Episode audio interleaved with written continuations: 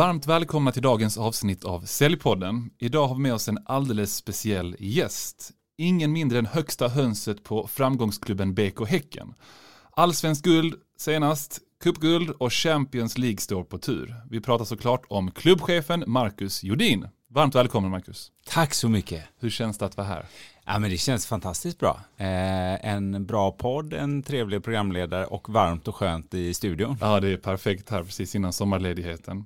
När vi pratades vid eh, första gången om just Cellpodden så berättade du att jag har lyssnat på ett par avsnitt. Så att, eh, vad var det som fick dig att vilja lyssna på Cellpodden? Älskar poddformatet totalt sett, oavsett nästan tema skulle jag säga. Men det blir ju ganska mycket att man, man rör sig där man har intresse. Yrkesmässigt är Säljpodden något som, som är relevant för mig.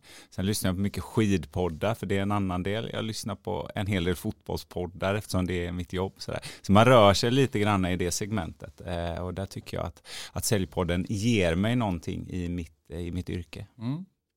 Coolt, och det, och det, är många som vet vem du är och många har uppmärksammat era framgångar på BK Häcken. Men jag vill jättegärna veta lite mer och att lyssnarna får lite bättre koll på dig, vem du är när du inte står och hoppar i publiken på Bravida Arena. Eh, ja, när jag inte gör det så är jag en, eh, en 42-årig eh, småbarnspappa som jobbar lite för mycket, sover lite för lite, eh, älskar att åka skidor, både utför och på, på längden, kör en del Vasalopp och, och sånt där.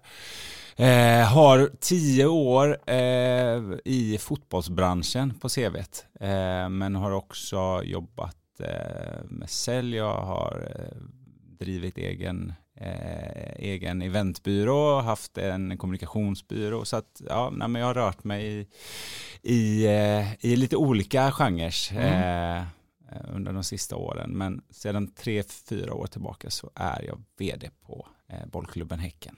Coolt, bra timing där, eller så kan, kanske det var bra timing för klubben att du kom in med tanke på framgångarna. Ja, jag vet inte vad som var vad där, men jag, och timing och timing. Jag dansade in där med ett, ett, faktiskt ett kuppguld efter några månader 2019, men sen kom ju pandemin och det var ju inte, det var ingen dans eh, för oss, eh, utan vi blev ju extremt hårt, hårt eh, drabbade där med tanke på att, att Gotia Cup är en så stor del av oss och vi fick stänga ner det under, under två år. Så att det var ingen superstart ändå. Det var, det var, det men, var tufft roddat. Men det, det är rätt uppmärksammat också att ni är en klubb som det går väldigt bra för ekonomiskt. Um, vad tror du att det beror på? Det beror på många, många olika saker. Men vad, liksom, vad är kärnan i att det går så bra för er som det går jämfört med många andra klubbar? Men jag tror, jag är inte så säker på att det går så mycket bättre för oss än, än alla. Men det är klart att vi har en bra bas genom att vi har historiskt sett lagt ett ganska stort fokus utanför själva fotbollen och jobbat med affärsutveckling. Och där har vi ju gjort saker som har varit framgångsrika och saker som inte har lyckats. Men vi har hela tiden vågat och det, det har egentligen varit ett DNA i BK Häcken från start. Det är ju så Eh, med fokus på, på det utanför eh, själva fotbollsplanen. Det är det som gör att BK Häcken eh, startar Göteborgs första folkpark där man sjöng och dansade. Den hette Kul i backen. Eh, lite senare så driver man Pusterviksteatern, äger och driver den tillsammans med Nationalteatern som är ganska kända här. Man eh, gjorde, eh, satsade på husvagnsförsäljning Eh, gick inte så bra. Eh, så det finns en hel del liksom, affärsprojekt och ett fokus på det. Och så föds ju 1975 då Gotia Cup. Eh, och sedan så blir ju det en, en utveckling som leder till att Gotia Innebandy Cup föds som också är, en, är, är ett, ett, stort projekt som ligger utanför själva fotbollen så att säga. Så det är ju nyckeln att affärsutveckling har, har varit en viktig del i, i föreningens historia. Men har det kommit naturligt för er med tanke på ett starkt intresse hos vissa individer eller har det snarare varit att vi behöver hitta sätt att finansiera bollklubben Häcken på och därför så vågar vi ta de här riskerna i en liten kombination, till exempel husvagnsförsäljning från mm. ingenstans. Det låter jättespännande. Ja, ja precis. Nej, men jag, jag, tror att det faktiskt har varit klokheten i att, att hitta finansiering och det kanske kommer naturligt BK Häcken grundas 1940, vilket är någonstans 40-50 år efter de andra stora klubbarna i den här stan, ÖIS, Gais, IFK Göteborg. Eh, så, så någonstans så startar man ju liksom i motvind, eller man ligger ganska långt efter. Eh, och då tror jag att det, det, tror jag faktiskt har hjälpt till att, att att den här entreprenörsandan som finns i att, i att hitta nya vägar för att hinna springa ikapp någonstans. Där pengar är en central del och egentligen alltid varit en central del av fotbollen. Eh, och det fokuset har, har, har väl lett till att man har byggt en, en stabil grund rent ekonomiskt och, och fortsatt ha ett fokus på, på utveckling vid sidan av. Mm. Ja men coolt. Och, och, jag tänkte fråga dig, lyssnare som är nyfikna på hur tjänar man pengar som fotbollsklubb idag utöver biljettförsäljning? Och det är klart att många som håller på de större klubbarna förstår att ja, men man kan ju ha en stor sponsor på sin tröja och liknande. Det heter ju Bravida Arena till exempel, er arena. Men vad finns det för andra sätt att tjäna pengar på som fotbollsförening? Va, vad gör ni idag? Eh, ja, det finns ju en, en rad eh, delar egentligen, precis som du säger, publikintäkter, eh, sponsorintäkter, det är ju två väldigt centrala delar. För oss som klubb så har vi också vår stora evenemangsdel där vi då har Gotia Cup, vi har Gotia Innebandy Cup, vi har Göteborg Music Festival och vi har driften för Partille Cup som är världens största handbollsturnering. Ägandet ligger kvar hos Sävehof men det är vi som driver den. Eh, där har vi eh, stora intäktsflöden Sen så handlar det ju också om att, att utveckla spelare och sälja dem. Det finns mycket pengar i spelartransfers. Mm. Eh, och dessutom så står vi ju i år i, och knackar på dörren till Champions League med både herr och damlag. Eh, där finns också väldigt mycket pengar att hämta. Mm. Så att det finns intäkter egentligen på flera olika mm. ställen för en elitfotbollsklubb. Men någonting som jag vill göra lite reklam för nu när du ändå har Eh, det är med här i podden, det är ert affärsnätverk. För att jag har varit väldigt skeptiskt inställd till affärsnätverk tidigare. Varit så här, folk som inte, eh, nu uttrycker mig raljerar lite här, folk som inte vågar kallringa liksom. Ska mm. springa på nätverk och skapa relationer. Det har aldrig varit min grej utan det är snarare att men jag vill liksom köra lite mer hardcore sales yes. och skapa min egen marknad. Men jag har varit med på ert affärsnätverk vid ett par tillfällen och jag ser verkligen hur folk är superintresserade av att göra affärer och att det görs affärer för, jag vet inte hur många miljarder, eller det var typ många miljoner eller miljarder till och med som det gjordes under de senaste åren. Fick jag... jag tror att förra året var vi uppe på nästan 800 miljoner i nätverket. Herregud, det är ju fantastiskt. Och vad, men, men berätta, vad innebär det att vara med i ert nätverk? Om det finns någon lyssnare där ute som skulle vara nyfiken på det. Och hur kommer det sig att ni har lyckats göra det så pass affärsdrivande och inte bara mm. relationsbyggande. Nej, precis. Det är ju någonting som vi är väldigt stolta över. Sättet som vi eh, fick till det här affärsnätverket och då får vi backa till 2009 egentligen. Då eh, gick vi upp till allsvenskan. Eh, men i allsvenskan fanns ÖIS, Gais och IFK Göteborg. Så vi hade tre Göteborgslag och så kom vi då som ett, ett fjärde. och, och då vågade vi vara Eh, Eh, så krassa med självbilden och konstatera att varför ska något företag vilja vara med oss? Vårat varumärke var ganska svagt. Vi var sista laget uppe i allsvenskan i Göteborg eh, av de som fanns där. Eh, och då sa vi att vi kommer inte kunna sälja varumärket, vi kommer inte kunna sälja fotbollen, utan vi måste skapa någonting annat. Och då eh, blev idén någonstans att, att, att sätta det här affärsnätverket. Det, är ing, absolut, det var ingen unik idé, eh, men sätta affärsnätverket men också jobba för att alla skulle göra affärer. Springa mer än vad alla andra gör. Så att våran ambition och nästan vårat löfte var att, att du som företagare ska minst få tillbaka din insats innan året är slut. Mm. Och för att lyckas med det så måste ju vi då som, som klubb i det här fallet eller som arrangör av nätverket förmedla affärer, se till att vi hela tiden kopplar ihop, vi lyssnar vilka behov som finns eh, och, och, att vi, vi har löst det på det sättet. Och den, nu, nu sitter vi ju här, vad, är det, 14 år senare och har fortfarande liksom samma fokus i att förmedla affärer och länka ihop och se till att alla får ROI för, för de pengarna de investerar. Och det har vi lyckats med. Och det är klart att då är det ganska tacksamt som företagare att investera. Investerar jag en miljon och får, får två tillbaka, men då, då kommer det ju vara värt det. Ja, och man behöver inte vara Häcken-fan för att vara med i nätverket. Jag absolut. vet att det till och med har IFK Göteborg ja, som är i nätverket. Nej, men absolut, och det, ja. det är ju en förutsättning. Hade vi 2009 sagt att man måste hålla på BK Häcken för att vara med i vårt affärsnätverk, då ja. hade vi ju haft tre, fyra företag. Nu, nu är det ju tack och lov så att vårt varumärke har ju förändrats och, och, och våra läktare fylls och intresset är stort. Så att nu har vi ju väldigt många som håller på BK Häcken. Men det har aldrig varit det centrala i affärsnätverket. Vi, det vi sa där också när vi konstaterade att, att varför ska någon investera i oss? Då sa vi också att oavsett om vi spelar allsvenskan eller division 3 så måste det här affärsnätverket vara eh, vara så pass bra att alla är kvar ändå. Mm. Så att fotbollen ska inte spela någon roll. Coolt. Så att sitter ni i Göteborg med omnejd eh, och känner att amen, det är någonting som låter spännande hur man kan skapa nya affärer eller helt enkelt ja, sälja och köpa eh, så kan man ta kontakt via BK Häckens hemsida. Kan ja. man ganska lätt hitta, hitta de som är ansvariga för nätverket ja, hos er. Precis, och, precis. Ja. Och jag, jag, tror som sagt att uh, tycker man om relationssälj och att, att bygga på det sättet och man tycker om att göra lönsamhet, ja, då, då är vårt nätverk ett bra ställe att vara på. Coolt. Du, jag tänkte fråga dig, um, vilka situationer ställs du inför där din bakgrund inom försäljning och som marknadschef uh, ja, men gör störst nytta egentligen?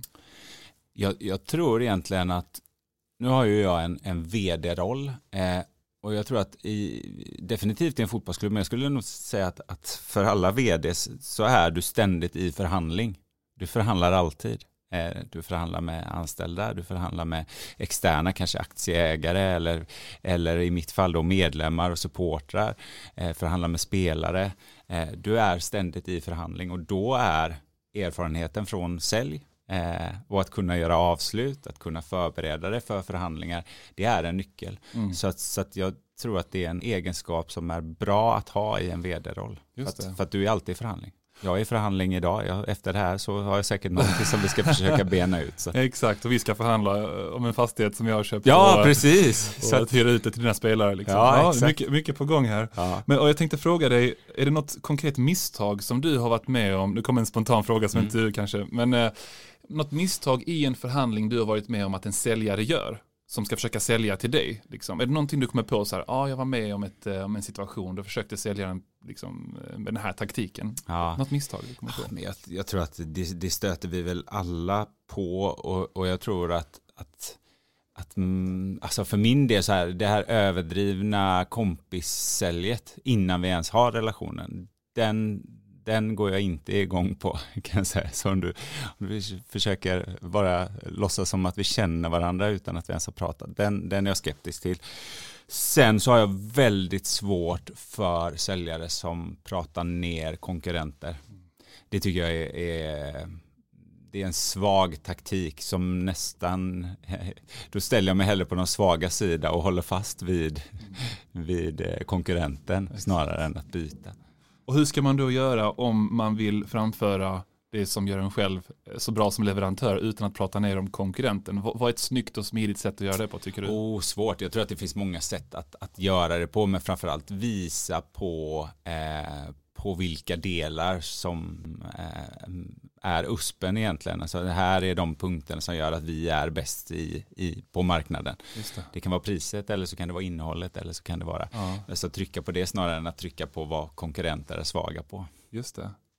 Okej, okay, så ett par konkreta tips här. Det första, det är att överdriv inte kompissäljet bara för att du ser dig själv som en relationsbyggare så behöver det inte innebära att du ska låtsas eller överdriva för att bli kompis med den som du söker sälja in till innan ni gjort en affär. Utan det är bättre att vara en kameleont i så mm. fall och se till att man ja, möter motparten på motpartens villkor. Det andra är att prata aldrig ner en konkurrent. Se till att om du vill höja dig själv och era USPar, era unique selling points, berätta till exempel en story om vad som gör er framgångsrika. Och prata gott om konkurrenterna istället och försök få kunderna att säga att du är här för att se ifall ni är en bra match. Mm. Eller hur? Och om inte den här bra matchen är med er så kanske det är med en konkurrent. Exakt. Um, jag skulle säga, du pratar om relationssälj men sen så går du ändå in på det som många kanske klassiskt sett ser som relationssälj, det här att inte bli överdrivet mycket kompis och så här. Mm. För jag tror att mm. när man ser så relationsförsäljning, mm. många jag stöter på, de tror då att de nu ska bli bästa vän med den här potentiella kunden. Och det kanske man ska bli, men det behöver vara rätt läge för det också. Mm, mm. Och jag hade till och med ett helt poddavsnitt där vi pratade om om relationsförsäljningen är död. Vi var, ja, ganska, på det. Vi var ganska skeptiska liksom, till eh, en viss typ av relationssälj egentligen. Så att det första jag vill fråga dig det här, vad innebär relationssälj för dig? Mm. Så vi börjar där och sen ja, ställer jag följdfrågorna. Ja. Eh, någonstans så relationssälj behöver inte vara det behöver inte vara kompiskapet. Alltså, i, en, en, en återkommande kontakt är en relation. Det behöver inte vara världens bästa, men ambitionen är att vi ska göra någonting långsiktigt tillsammans.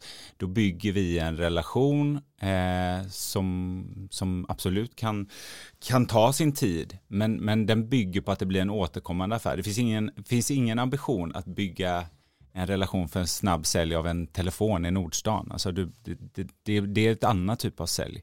Men, men relationssälj för mig är att det ska vara återkommande. Men det behöver inte betyda att vi ska grilla ihop och sitta i en hammock om två veckor. Utan, men, men jag ska ha lite koll på dig, du har lite koll på mig, vi, eh, vi är öppna och transparenta och båda blir vinnare av den affären vi gör. Eh, och, och, och, det kommer leda till att vi gör affärer igen och då har vi en relation, för då Just. har vi en återkommande kontakt. Okej, okay, okej, okay, okej. Okay. Så Marcus Judins definition av en relationssäljare är den som satsar på den återkommande kontakten, inte behöva överdrivet vänlig, eh, eller vänlig ska man alltid vara såklart, mm. men överdrivet min kompis i alla fall, och se till att båda lämnar förhandlingsbordet som vinnare. Ja, ja. för då kommer vi göra affärer ihop igen. Just det. Finns det något annat du tänker på när det kommer till det här med att bygga relationer, att vara en duktig relationssäljare som man ska tänka på? Jag tror ju att, att, att bygga relation totalt sett, det, det, har du alltid glädje av. Eh, så du kan inom, inom affärskategorin eh, så innebär ju det att, att du har ett nätverk. Du kan förmedla affärer. Hjälper du till att förmedla affärer så kommer någon hjälpa dig att förmedla dina affärer. Så att relation är ju alltid någonting bra. Mm. Det, det, det är svårt att säga att det är någonting som du inte ska satsa på. Uh men det är svårt att veta hur man ska göra. För det finns säkert många som sitter och lyssnar och tänker så här, ah, men du säger att jag inte ska vara överdrivet, överdrivet mycket kompis, Nej. men jag ska satsa på relationen. Och hur ska jag, om vi nu pratar om att det är en, alltså om det är en befintlig kund, då är det mycket lättare tror jag att man bygger upp den här relationen. Det är också lättare att rasera den. Men ja. låt oss då säga att det här är en potentiell kund. Mm. Vad gör man i processen för att bygga upp den här relationen? Har du någon typ av liksom tips? Ja, jag tror att eh, stop, stop trying lite grann. För jag mm. tror att relationen blir antingen blir det en relation eller så blir det inte det. Jag är mm. osäker på om du kan liksom så här följa någon slags punktlista. Så här mm. gör du för att skapa din relation. Mm. Eh, jag, jag har byggt mycket relation genom åren och tycker att jag har ett ganska bra nätverk. Men jag har aldrig haft ambitionen att göra det. Utan det har liksom blivit det har blivit Men jag tror att det beror på att du är som du är. Förstår du? Ja, så, att, så, att, jag tror att om, om man är som du är och väldigt likable, om man säger så på engelska, du har mycket ögonkontakt, mycket kroppsspråk, du nickar när jag pratar. Jag tror att sånt kommer naturligt för vissa och inte mm. lika naturligt för andra. Eh, men ett, ett, par grejer som du ändå nämnde tidigare, det här med att man kan ju, om inte rasera, så i alla fall förstöra lite grann för möjligheten att bygga relation. Om man blir den här överdrivna kompis. Mm. Eh, så att jag tror ändå att det kan finnas vissa nycklar, inte för att man alltid ska följa en checklista, men vissa nycklar i en process för mm. hur man kan agera mm. för att ja, men ge den en ordentlig chans att bygga mm. relation. Absolut. Eller? Ja, ja. ja, men det tror jag.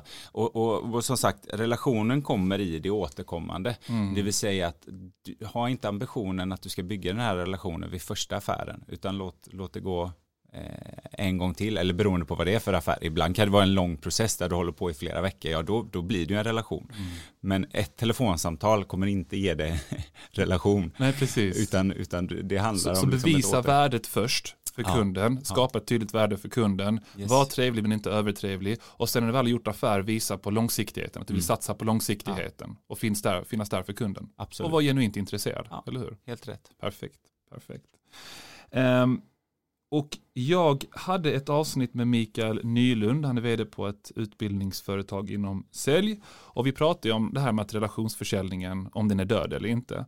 Men liksom, berätta, du lyssnar ju på det avsnittet också. Mm. Vill du invända på någonting vi pratade om där eller kanske säga att jag fattar vad ni pratar om men det funkar inte riktigt så i vår värld, liksom sett till vad vi säljer eller vad är dina spontana tankar? Jag tycker det var jättemycket klokt resonemang, alltså mm. så verkligen. Och det, det tål ju att ifrågasättas. Eh, så här, frågan är relevant, är relationssälj eh, borta? Ja. Och jag tror så här, det handlar ju dels om vad det är för produkt du, alltså vilken marknad befinner du dig på. Eh, och sen så vill jag verkligen inte att relationssälj ska försvinna. Nej. För att det är någonstans, det är, jag tror väldigt mycket på långsiktighet. Jag tycker att jag ser mindre och mindre långsiktighet eh, i min bransch, mm. i många branscher. Det handlar om att göra snabba affärer och, och göra många affärer. I mitt fall då så kanske det är tydligast inom agentverksamheten. Där man istället för att fokusera på att ha en spelare hela karriären så jagar man de snabba affärerna, spelarna byter agenter snabbt. Alltså det är ett helt annat tempo. Mm. Eh, och jag tror ju mycket mera på att den långsiktiga affären uppsummerad kommer att generera mer pengar mm. över tid. Eh, oavsett vad du säljer. Så att, eh, men jag, jag, förstår att frågan ställs och jag tycker ja. att den är relevant. Men jag hoppas att relationssälj aldrig försvinner. Coolt. Och du berättade också i förintervjun att ni ibland valt bort affär med mer pengar eh, på bordet eftersom ni inte kände att alla skulle gå ifrån bordet som vinnare. Vill du berätta om något sånt case? Ja, eh, framförallt så, så tror jag att det, det är centrala där och det är det som kanske skiljer den typen av försäljning vi gör med när man säljer en vara, produkt. Så vi säljer ju en människa vilket ju låter väldigt jobbigt när man sätter ord på det på det här sättet. Men i vårat fall så handlar det om att vi har en, en säljare, BK Häcken, vi har en köpare, Klubb X. Men så har vi också produkten som är spelaren, som ju också har faktiskt en talan. Om jag ska sälja den här vattenkannan till dig så kommer ju inte vattenkannan säga, nej men jag vill inte bli såld till Leo. Utan jag, då, då kommer du och jag överens. Men när vi säljer fotbollsspelare, då då har ju vattenkannan så att säga rätt att säga nej men jag vill inte gå dit, jag vill gå dit. Och det gör ju liksom en trepartsaffär av det. Vilket gör att det blir väldigt centralt att alla någonstans ska landa i affären. Eh, och det är klart att vi, när vi gör försäljningar, oftast så har en spelare lyckats eh, så pass att det inte bara är en klubb som vill köpa, utan det kanske är fem olika klubbar som alla då budar någonstans. Och då kan det vara så att, att vi får ett, ett bud som vi tycker är eh, ja men det här är toppen, det här är det bästa eh, för oss. Men spelaren säger, men jag vill inte gå till den klubben, jag vill hellre gå hit. Och då får vi gå ner 7 miljoner eller 10 miljoner eller vad det kan vara. Mm. Och då får man ju någonstans liksom eh, hantera förhandla kring ja, det. Exakt. Men att hela tiden ha fokus att, att eh, alla någonstans ska vara okej okay nöjda. Kommer aldrig gå från ett förhandlingsbord där alla är 100% nöjda. Mm. Men där alla någonstans känner att ja, det blev okej. Okay, för det handlar återigen om det långsiktiga och att kunna göra affären igen. Och varumärket har... också, eller hur? Ja, absolut. Framtida potentiella absolut. spelare ska veta att man... Så är det. Ja. Nej, precis. Och att våra spelare ska vilja vända tillbaka till ja. oss. Så Vilket att, har hänt många gånger. Det har hänt många gånger. Vi har ju det bästa exemplet i Alexander Jeremejeff som ju vann skytteligan i allsvenskan förra året. Vi har ju alltså lyckats sälja Alexander Jeremejeff tre gånger. Så han, han har kommit tillbaka och det bygger ju på att vi har skött affärerna bra. Eh, han har hela tiden känt att BK Häcken är hemma. Så att istället för att vi maxade kanske den första försäljningen på bekostnad av hur han upplevde det så gjordes den första försäljningen på ett okej okay sätt vilket gjorde att han, han, han valde att komma tillbaka och nu har vi gjort affären tre gånger vilket ändå har genererat ganska mycket pengar. Vad tror du om Zlatan och Malmö FF då? Han har ju varit väldigt tydlig med eh, hans, eh, jag vet att du kanske inte vill säga för mycket här, men han har varit väldigt tydlig med hans missnöje kring hur Malmö FF hanterade hans övergång till Ajax, eller mm, hur? Mm. Och eh, så här, nu ska inte du kanske uttala dig för mycket om det, men jag tänkte mer att Ah, jag tyckte bara att det var en liten rolig anekdot här kopplat till, jag tror att Zlatan hade kommit tillbaka till Malmö ifall han hade känt sig mer nöjd med hur den här affären utspelade sig. Ja men kanske, ja. kanske inte. Jag tror att det är... Eller satsat pengar i Malmö istället för Hammarby. Ja precis, men det kan också vara lite grann efterhandskonstruktion sådär ja, någonstans precis. för att skydda sig inför det. För att eh, jag lyssnade faktiskt på en jättefin podd igår, eh, Radiosporten dokumentär om mm. när Zlatan eh, gick till Ajax just. Så jag lyssnade faktiskt på det Okej, okay, vad coolt, bra timing att fråga. Och där är han ju väldigt nöjd med hela övergången. Så att frågan är vad som är vad. Det är ju samma när man ser dokumentären och filmen och sådär. Ja. Så att, så att ja, nej jag vet inte. Men, det, är ju, det är ju synd såklart hela, hela Malmö-relationen och statyn och, och, och sådär. Mm. Det är ju tråkigt. Det är ja. en fantastisk fotbollsspelare och väldigt häftig människa. Alltså. Ja. Har du träffat honom? Ja, det har jag. Hur eh, upplevde, du att, gånger. hur upplevde du att, eller hur upplever du honom? Jag, jag minns, jag har aldrig träffat honom, men jag är från Malmö. Mm. Min mamma träffade honom en gång och bad om ett foto och det gick ju bra den gången. Så mm. att, eh, jag vet inte, jag, jag, jag har haft mina tydliga synpunkter om vad jag tycker eller inte tycker om honom. Ja. Men berätta gärna vad du, vad din, hur, du upplever honom? Ja, men jag har träffat honom i lite olika sammanhang. Jag har egentligen, alltså, det är inte så att vi har byggt en relation, vi grillar inte. Nej, nej, nej. men eh, nej, jag, jag, tycker att han, han är ju, han är ju den största vi har haft. Han får också, det innebär att, att du, du får ta plats och, och vara på ett visst sätt. Men jag, jag tycker att han, han är inte oödmjuk på något sätt utan liksom trevlig och artig. Han, han, ja, senast jag träffade var väl när Hammarby slog oss i, i Svenska cupen-finalen och han kom in och, och liksom så här, tackade för matchen i omklädningsrummet och sådär. Eh, Grymt. Så att, ja. ja, bra.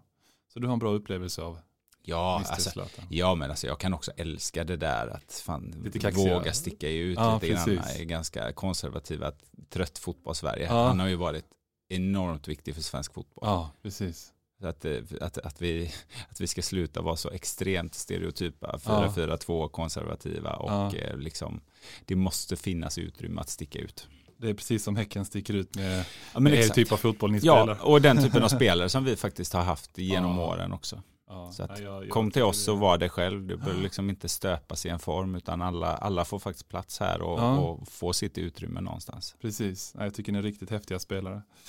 Um, är det någon affär som du vill ta upp som inte riktigt gått som ni förväntade er? Alltså en, eh, en, en dålig affär höll jag på att säga.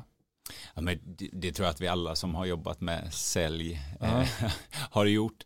Men jag tror ju väldigt mycket på, eh, på misstag och motgångar som, mm. en, liksom, som en del i en utveckling. Att, mm.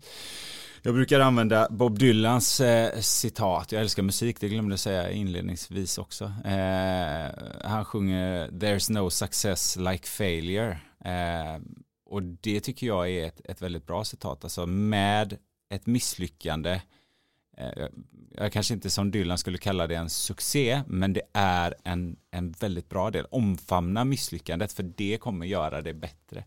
Det är där du bygger din självkänsla genom att våga saker som du är lite, alltså testa saker för första gången, våga misslyckas. Det är så du någonstans utvecklas.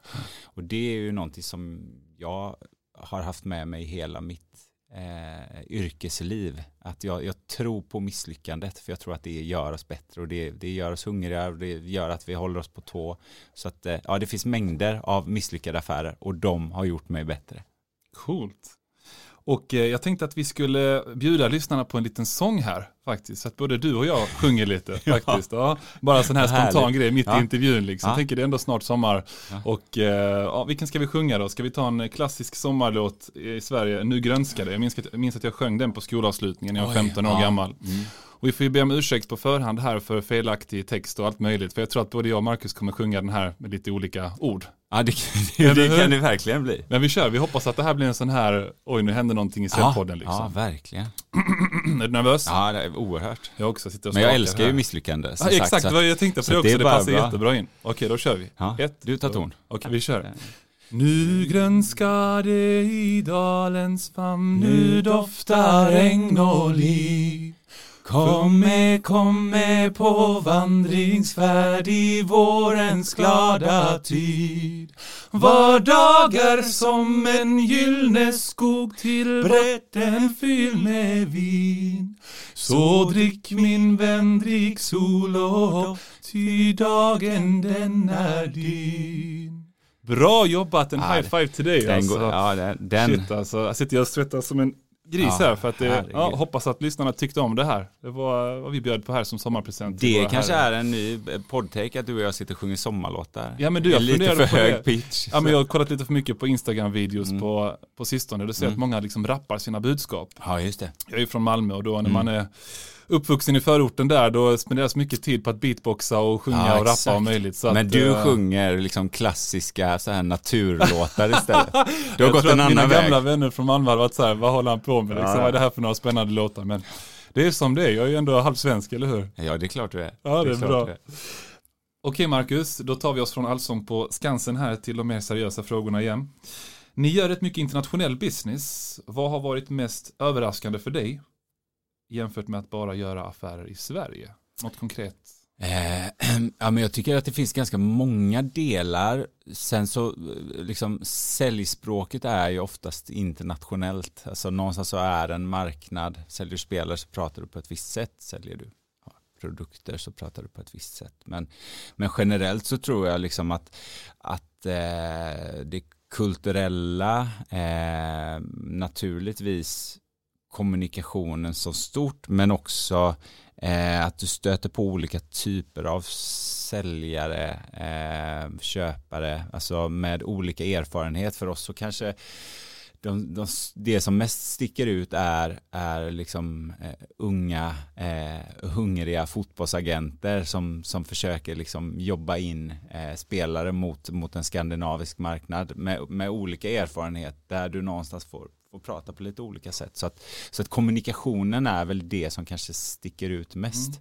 Och det och kan ju variera. ett exempel där, typ någon som har skickat massa roliga videos bara för att fånga uppmärksamhet. Eller ja, herregud vad vi får videos på spelare. Ja. Alltså WhatsApp, det går ju i princip inte att ha det som, som fotbollstjänsteman för att det rasslar ju spelare hela vägen. Som tur är så behöver inte jag titta på dem, utan det har vi ju en sport, sportavdelning som gör. Eh, nej, men och sen så har vi, alltså det finns ju några fantastiska som egentligen är väldigt, väldigt tråkiga. Men just det här med erfarenhet och, och konkreta. Vi har haft någon affär där det är liksom en ganska lång förhandling. Vi har förhandlat med en klubb och en spelare har förhandlat eh, liksom åt sitt håll och så, så spricker affären för att agenten hela tiden har utgått från att det har varit netto nettopengar som man har pratat, men i själva verket så har det varit bruttopengar. Ja, oh, det där. och, och, på vilka marknader är det här främst? Alltså, eller är det på väldigt många marknader man pratar om bruttopengar istället för nettopengar? I Sverige pratar vi alltid nettopengar ju. Det varierar. Vi, alltså, ja, men vi pratar ju i Sverige så pratar vi ju nästan alltid brutto. Jaha, alltså, okej, okay, förlåt, ja, hade jag fel. Okej, okay, ja. sorry. Ja. Men vi, ska vi ta ja, förlåt, nej, nej, nej, eh, brutto och netto, ja, var jag som blandade ihop begreppen. Så brutto är alltså innan skatt, netto är efter skatt. Det, även när jag startade eget företag var det ganska svårt att bara säga, just det, vilket är brutto och netto? Bara så att det är tydligt för våra lyssnare. Just det, så att vi pratar brutto och i många andra länder pratar man netto. Nej, väldigt få andra länder skulle jag säga mm. att man mhm. pratar netto. Alltså, det kan vara att, att du, liksom, du räknar om det på det sättet. Så att ofta är det ju centralt för spelare att veta, okej, okay, vad är nettopengen? Eller för mm. agenten, vad är nettopengen? Men på ett papper så eh, i alla länder som har ett skattesystem, vilket i princip är alla ja. länder, så, så är ju siffrorna brutto före skatt. Så det är ju en sån liksom, misstag som, och det är ju ganska stor skillnad. Det, Speciellt om du pratar om länder som inom Europa, det var ganska högt skattesystem. Det kan ju diffa på, det kan ja, ju diffa på 50% Men vilka länder pratar vi om mer konkret, liksom, om du ska ta något exempel? För jag vet att ni har en del afrikanska spelare ja, också, precis. och bland mina favoriter är det. Ja, och, och, jag vet inte hur det funkar, liksom, om man kan generalisera i Afrika eller vissa delar av Europa, att men där, där tittar man alltid på eh, netto och inte brutto. Liksom. Har du något jag, land nej, är svårt att säga om det är generellt. Jag, jag, tror att det handlar lite om vad det är för agent, vad finns det för erfarenhet, mm. hur, hur ofta har man rört sig liksom på den scenen när mm. man börjar prata med storklubbar på det sättet. Så att, så att ja, jag, ja. tror att, det, att det, där har vi en stor eh, grej som skiljer och ja. som också har blivit lite, lite konstigt vid ett par tillfällen. Jag förstår, jag förstår. Um, jag tänkte på en annan grej här. Du pratade i förra intervjun om vikten av strategi och målformulering. Mm strategi. Och det är någonting som jag när jag började titta på de här bitarna och kom, ja, när jag gick från säljare egentligen till att bli säljchef, tyckte att det var ganska flummigt. Eller alltid tydligt så här, vilka mål ska vi uppnå inom säljet och vad ska vi arbeta med för milstolpar för att nå dit och liknande. Men just det här liksom övergripande målet att hela organisationen ska köpa in på någonting. Jag hade mm. inte riktigt den här liksom, strategiska synsättet. Men du förklarade så fint i förintervjun, så berätta för mig, hur viktigt är det med liksom, strategi och målformulering och vad innebär det i din värld att man mm. efterlever det? Eh, ja, precis som du säger så tycker jag att det är, det är väldigt centralt i att, i att nå framgångar och ju större organisation du har desto viktigare är det. Det är väldigt lätt att en, en strategiplan blir en, en, en produkt för bokhyllan. Eh, och ju mer komplicerad den är desto större risk att den hamnar i bokhyllan är det. Eh, jag tror ju på att, att för att få ut maximalt av varje medarbetare så behöver alla förstå sin roll i i liksom det stora pusslet och i eh, den målet som sitter. Okej, okay, vad ska jag göra för att vi som arbetsplats ska nå det här målet?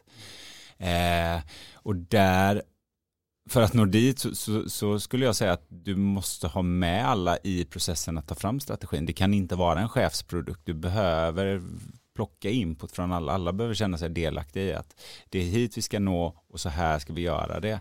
Eh, så att för mig är det väldigt centralt att ha en, en tydlig strategiplan som alla eh, inte kan i detalj, men åtminstone känner köper in till. På. Ja, köper in på, förstår sin roll. Mm. För det handlar om liksom i våran bransch, tidigare så hade vi som strategiskt mål att vinna SM-guld. Det är väldigt svårt för en vaktmästare eller för kocken eller för ja, säljaren kanske det är enkelt, det handlar ju om att sopa in så mycket pengar som möjligt så att vi kan köpa oss mm. till framgång. Men, men annars så är det, hitta en målformulering som också funkar på oavsett vad du jobbar med. Och, och det är faktiskt coolt för många känner så här, ja, men säljavdelningen de har ju sina mm. mål och man känner ja. ingen koppling till det. Men om man kan få en hel organisation att köpa in på ett mm. gemensamt mål. Ja. Och det hade vi kunnat ha ett separat avsnitt om hur man gör konkret för att få folk att köpa in på det. För det är någonting mm. som många har utmaningar med idag. Men bara att du nämner det är väldigt, eh, väldigt bra. Mm. Vi hade ju som tidigare då eh, som mål att, att vinna SM-guld till exempel. Mm. Eh, vi skruvade ju om det, alltså dels det sportsliga målet till att handla om något annat. Alltså vi vill, vi vill ta en Europaplats, men som centralt mål och strategiskt mål för hela föreningen så har vi att vi leder utvecklingen i idrottssverige och att vi ska vara den idrottsföreningen i Sverige som har den främsta utvecklingen. Och när du applicerar det så kan du göra det på oavsett tjänst. För det betyder att för att leda utvecklingen så måste du vara innovativ, du måste vara kreativ, du måste springa lite mer än alla andra, du måste våga misslyckas, du måste testa saker. Oavsett om du är kock eller vaktmästare eller fotbollsspelare eller säljare eller marknadsförare så funkar den målsättningen eller den målformuleringen på, på dig. Och då får du alla att köpa in på det och dra hyfsat åt samma håll i varje fall. Coolt. Jag tänkte en sista fråga i podden som är en, eh, kan vara en rätt bred fråga, men om du skulle ge ett par konkreta tips eller visdomsord till säljare där ute, kanske någonting som vi ännu inte har pratat om, utifrån din roll där du haft som säljansvarig marknadschef och även din roll som inköpare. Mm. Har du några konkreta tips till säljare där ute? Eh, ja, jag tycker ju om det här när du säger tre ord eller liksom visdoms, visdomsorden, tre konkreta tips eller ord. Så skulle jag säga liksom målformulering. Eh, det är oerhört viktigt. Och som säljare är det väldigt enkelt att du sätter den eh, i siffror. Och det, det, det, är ju, det är ju så, det är det målet du har som säljare.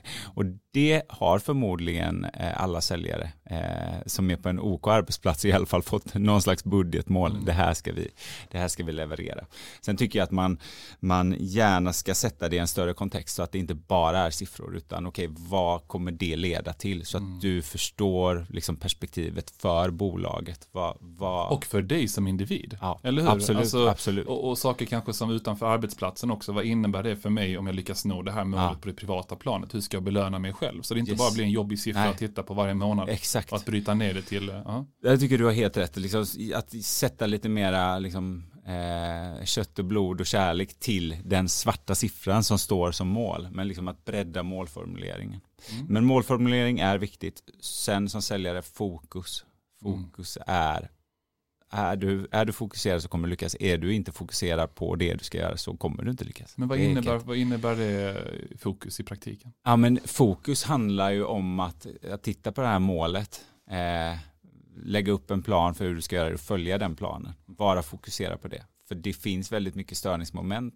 Alltså många som jobbar med sälj kanske finns med lite grann på en marknadsavdelning också. Det är lätt att, att luta sig åt något annat mm. håll. Man gör, man gör någonting annat. Men håll fokus på det du ska göra. För det, Får jag slänga in en sak här? För jag tror gärna. att även du, alltså både du och jag och många andra som jobbar delvis med sälj såklart, men har även utmaningar med det här fokuset. Speciellt mm. någon som har din position, det är så många olika bollar i luften. Att kanske avsätta den första timmen varje dag om du har möjligheten till det till att kunna bocka av någonting som har med ditt övergripande mål att göra. Jag har själv börjat göra det, jag undervisar också om time management men mm. ibland lever jag inte upp till alla de här tipsen själv. Men eh, under det senaste halvåret så gjort det varje dag börjar den första timmen, kika inte i mailinkorgen utan bara gör fokuserat det som du vet att om jag tittar tillbaka till den här arbetsdagen kan jag vara stolt över mig själv kopplat mm. till vad jag gjort, kopplat till mitt mål. Eller hur? Ja, men det är ju klockrent. Absolut. Svårare, alltså det är, det är enklare att sätta upp det än att leva efter ja. det. Men lyckas man med det då tror jag att man har, har stor, eh, stor potential att, ja. att lyckas hela vägen. Coolt. Var det något annat du hade? Något annat eh, sista? Långsiktighet som ja. sista ord. Igen, och kanske tillbaka då på relationssälj. Eh, men någonstans att, att, att generellt, det är klart att alla jagar de snabba affärerna för det, det är det vi piskas till. Men jag tror att affären kan bli större genom att vi gör den på, på rätt sätt. Så därför tror jag att det, det, det alltid kommer vara värt att investera i att vara långsiktig i ditt, i ditt säljande, i din roll som säljare. Så, mm. så titta längre än den här affären här och nu. Ja. Nej, häftigt. Och, och, jag tänkte så här, hur tar man kontakt med dig vid intresse och varför? Eller behöver inte vara med dig, du har ju så mycket att göra ändå. Du mm. jobbar ju eh, jättemånga timmar varje dag. Men hur tar man kontakt med bollklubben Häcken och varför gör man det? Om man tänker på den typiska lyssnaren. här. Vi är ju en, en eh, man kan kontakta oss om man är en bra fotbollsspelare på här eller damsidan. Ja. man kan kontakta oss om man vill jobba med sälj. Alltså, ja. Vi har ju väldigt intressanta sälj, säljuppdrag hos mm. oss. Och sen så kan man bli partner, sponsor hos oss mm. för att skapa lönsamma affärer. Och herregud, gå in på bkhacken.se och slå en signal till mig eller mina kollegor eller, eller skicka ett mail. Superbra. Och sen ska vi alla gå på, till Bravida Arena och titta på eh, Sveriges eh, mest underhållande fotboll. Både, här, både herr och dam. Jag tycker faktiskt också att det ja. är så. Om jag ska vara helt ärlig. Även om det är roligt på riktigt. Ja, ja precis. Men ni spelar en helt annorlunda fotboll. Eh, jag vill också påminna lyssnarna om att om ni vill få tillgång till en gratis kurs inom sälj, en digital kurs, så kan ni kontakta mig på LinkedIn, Leonardo mellanslag Johansson. Det finns nog bara en, i alla fall den första som dyker upp där hoppas jag. Eller gå in på Lion Academy, Academy med C.se. Lionacademy.se så hittar ni gratiskursen där på den första sidan. Jättestort tack för att du ville joina oss här i Cellpodden idag Marcus. Det har varit ett eh, roligt avsnitt att spela in, massa kloka insikter. Och ja, tack för att du ville komma hit. Ja, men tack snälla för att jag fick komma. Grymt, tummen upp till dig. Verkligen. Och det var då allt för den här säsongen av Säljpodden. Vi är tillbaka igen den 14 augusti och har massor av spännande gäster på agendan. Och glöm inte att prenumerera på podden så att du får en notis när vi har släppt vårt första avsnitt efter sommaren. Glad sommar!